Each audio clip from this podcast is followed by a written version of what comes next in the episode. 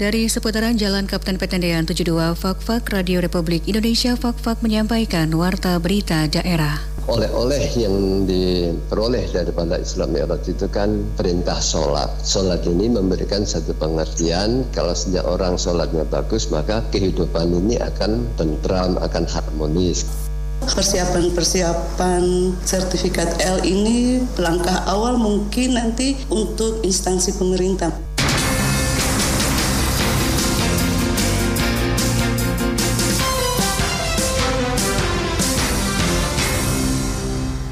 Selamat pagi, Sari Berita. Hari ini seluruh umat Islam memperingati peristiwa penting Isra Miraj Nabi Muhammad Shallallahu Alaihi Wasallam 1442 Hijriah. Pemberlakuan sertifikat tanah elektronik bagi masyarakat oleh Badan Pertanahan Nasional sebagai wujud untuk memudahkan masyarakat agar tidak lagi memegang lembaran sertifikat tetapi hanya akan diberikan nomor sertifikat. Itulah berita utama edisi pagi ini, Kamis 11 Maret 2021. Saya Siti Nur Aisyah.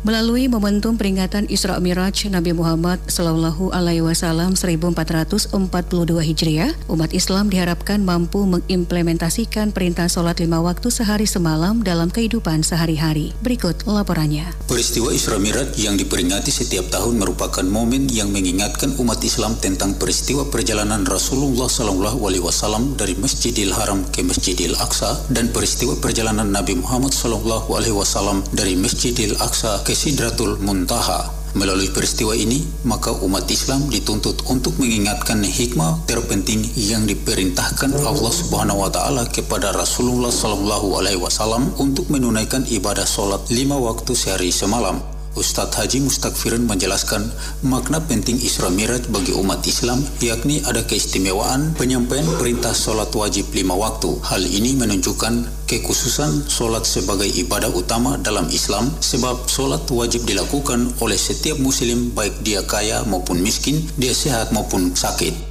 Makna yang diambil dari peristiwa Isra Mi'raj ini adalah pertama peristiwa sejarah, kemudian ini adalah masuk pada zona iman. Karena? Peristiwa Isra Mi'raj itu kan peristiwa di luar jangkauan akal pikiran manusia. Oleh karena itu harus ditangkap dengan iman.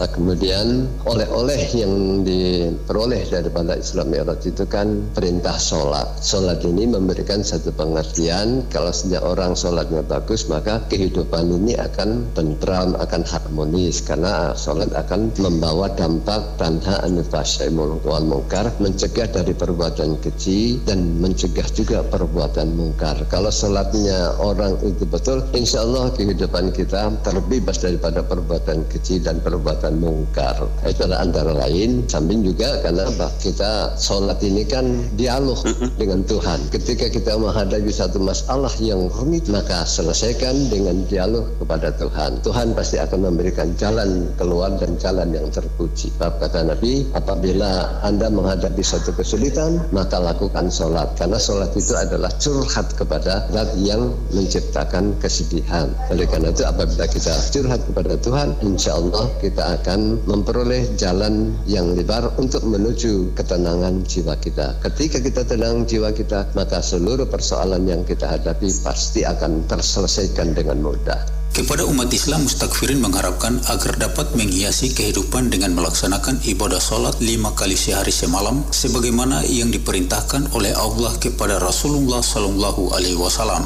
Melalui momentum ini, ia juga menghimbau kepada seluruh umat Islam agar dapat meningkatkan keharmonisan dalam bermasyarakat, berbangsa, dan bernegara dengan mengedepankan hubungan silaturahim. Demikian Lamarumu melaporkan.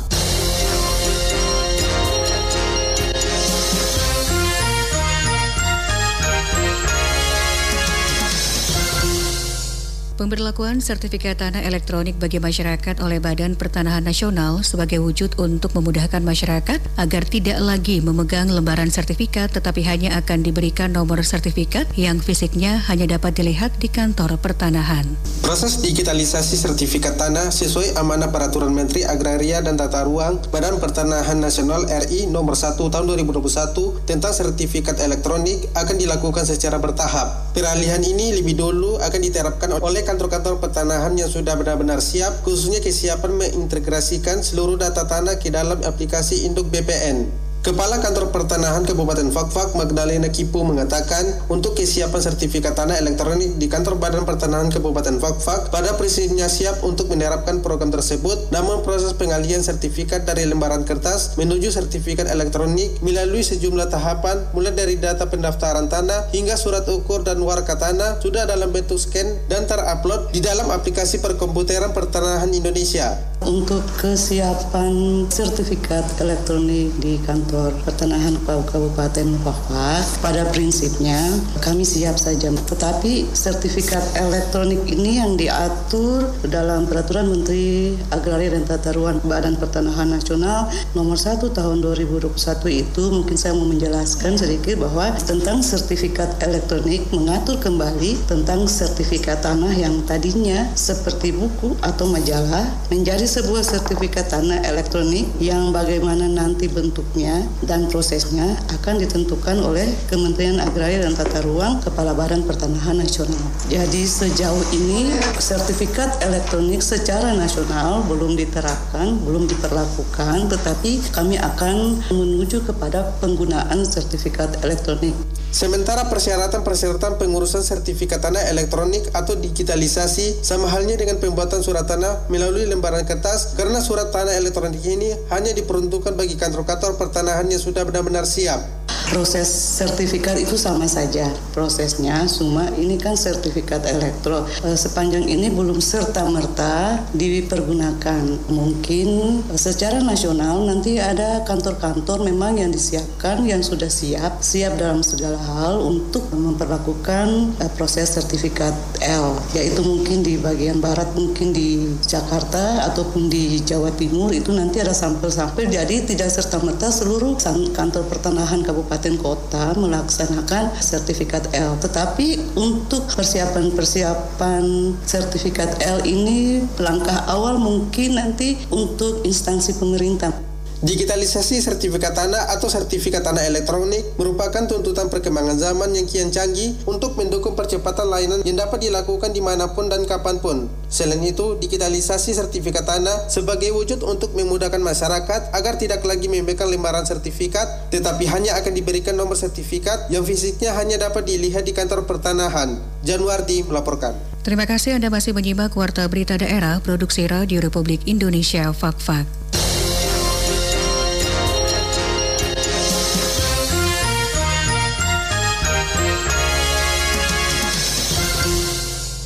Kabupaten Fakfak kini berada pada zona kuning kasus COVID-19 di Papua Barat, namun masyarakat diminta untuk tetap mematuhi protokol kesehatan. Saudara, pemerintah pusat hingga ke daerah terus melakukan langkah-langkah penanganan serta pencegahan penyebaran COVID-19 sehingga Indonesia bisa terbebas dari ancaman virus tersebut. Sesuai data yang diperoleh dari Satgas Percepatan Penanganan COVID-19 Provinsi Papua Barat, Kabupaten Fakfak kini berada pada zona kuning. Hal tersebut dibenarkan Kepala Dinas Kesehatan Gondo Suprapto. Dikatakan data kasus positif di Fakfak sejak tahun 2020 hingga 2021 berjumlah 93 kasus positif dan meninggal dunia terdapat 10 orang serta lainnya dinyatakan sembuh.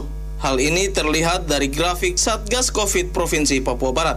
Menurut Gondo, walaupun berada pada zona kuning, masyarakat harus tetap mematuhi protokol kesehatan.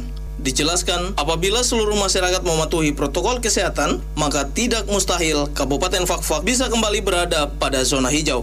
Saat ini di Fakfak dari satu tahun yang lalu sampai sekarang kita punya data eh, COVID itu yang terdata positif ya itu 93 orang dan 10 meninggal sedangkan untuk hari ini kita kasusnya kosong sehingga eh, yang disampaikan di tingkat provinsi kita sekarang zona kuning. Mudah-mudahan ya bila masyarakat membantu dengan protokol kesehatan disiplin yang baik maka kita bisa hijau kembali. Jadi untuk minggu ini kita kasusnya kosong. Namun kita tidak boleh lengah ya. Virus ini kan kita tahu semua penyebarannya lewat udara, lewat pegang tangan di mana tempat, bahan-bahan apa yang mungkin. Nah, itu kita harus tetap waspada. Maka cara mencegah pencegahannya 3M. Lebih lanjut, Gondo menjelaskan, walaupun sudah tidak lagi dilakukan pemeriksaan rapid di bandara maupun pelabuhan, tetapi petugas terus memantau melalui hasil rapid yang dilakukan pelaku perjalanan dari tempat asal.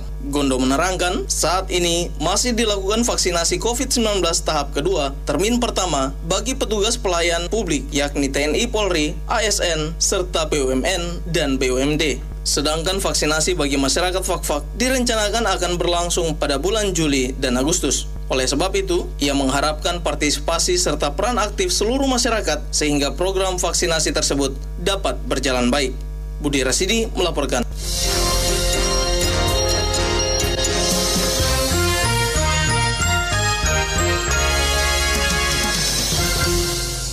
Saudara, sesuai surat keputusan Wakil Ketua Pengadilan Negeri Kelas 2 Fakfak telah dibuka secara resmi penerimaan tenaga pramubakti atau honorer pada Pengadilan Negeri Fakfak yang dimulai 8 hingga 12 Maret 2021. Wakil Ketua Pengadilan, Dedi Herianto selaku Ketua Panitia mengatakan, sebagai salah satu institusi penegak hukum dalam melaksanakan pelayanan kepada masyarakat perlu diperlengkapi selain dengan sikap keterbukaan, juga perlu suatu sarana yang dapat memberikan informasi yang baik kepada masyarakat. Oleh karena itu, Pengadilan Negeri Fakfak membuka lowongan kerja bagi masyarakat dengan ketentuan pendidikan minimal SMA atau sederajat, mampu mengoperasikan komputer, mampu berkomunikasi dengan baik, dan mampu bekerja sama dalam tim serta usia pendaftar minimal 21 dan maksimal 28 tahun. Dedi menjelaskan para pelamar harus memiliki komitmen terhadap penyelesaian tugas yang diberikan oleh instansi atau pimpinan. Ia menambahkan panitia akan melaksanakan beberapa tahapan seleksi bagi pelamar yang teregistrasi dan bagi pelamar dengan ranking tertinggi akan ditetapkan sebagai tenaga pramubakti yang ditetapkan dengan surat keputusan Ketua Panitia Seleksi dan hasil keputusan Panitia Seleksi tidak dapat di diganggu gugat. Dedi menyebutkan dalam proses pelaksanaan rekrutmen para pelamar tidak dipungut biaya apa pun. Sementara itu, untuk rencana penempatan pelamar tenaga pramubakti yang dinyatakan lolos seleksi penerimaan tenaga pramubakti, Dedi menerangkan akan ditempatkan atau diperbantukan pada kepaniteraan muda hukum pengadilan negeri Fakfak. Anda masih mendengarkan RRI Radio Tangga Bencana COVID-19. Peresmian Kampung Tangguh di empat wilayah jajaran Korem 182 Jazira Onim merupakan salah satu upaya dalam rangka mensukseskan pencanangan 100 kampung tangguh di Provinsi Papua Barat. Hal ini dikatakan dan Rem 182 JO Kolonel Infantri Yuda Medi Dharma Zafrul di sela-sela peresmian Kampung Tangguh melalui telekonferensi di Fakfak. Dan Rem mengatakan pencanangan Kampung Tangguh di empat kabupaten jajaran Korem 182 Jazira Onim tersebut dilakukan secara serentak melalui telekonferensi dengan melibatkan para aparat teritorial, unsur desa, dan para tokoh masyarakat. Dikatakan kegiatan ini diselenggarakan di empat kabupaten, yakni Kabupaten Fakfak, Kaimana, Teluk Bintuni, dan Manokwari Selatan, di mana pada pelaksanaannya bersinergi dengan unsur-unsur di tingkat desa. Ia menambahkan, selain untuk mengatasi persoalan COVID-19, kegiatan ini juga untuk mensukseskan program pemerintah dan pencanangan 100 kampung tangguh yang beberapa waktu lalu telah diinisiasi oleh Pangdam 18 Kaswari, Maijen TNI, Inyoman Cantiasa. Telekonferensi peresmian Kampung Tangguh di empat wilayah jajaran Korem 182 Jazira Onim dihadiri oleh Dandim 1803 Fakfak, Dandim 1804 Kaimana, Dandim 1806 Teluk Bintuni, Dandim 1808 Manokwari Selatan, para unsur Forkopimda daerah, serta tokoh masyarakat di wilayah binaan Kodim jajaran Korem 182 Jazira Onim. Sekian Warta Berita Daerah Produksi Radio Republik Indonesia Fakfak. -Fak.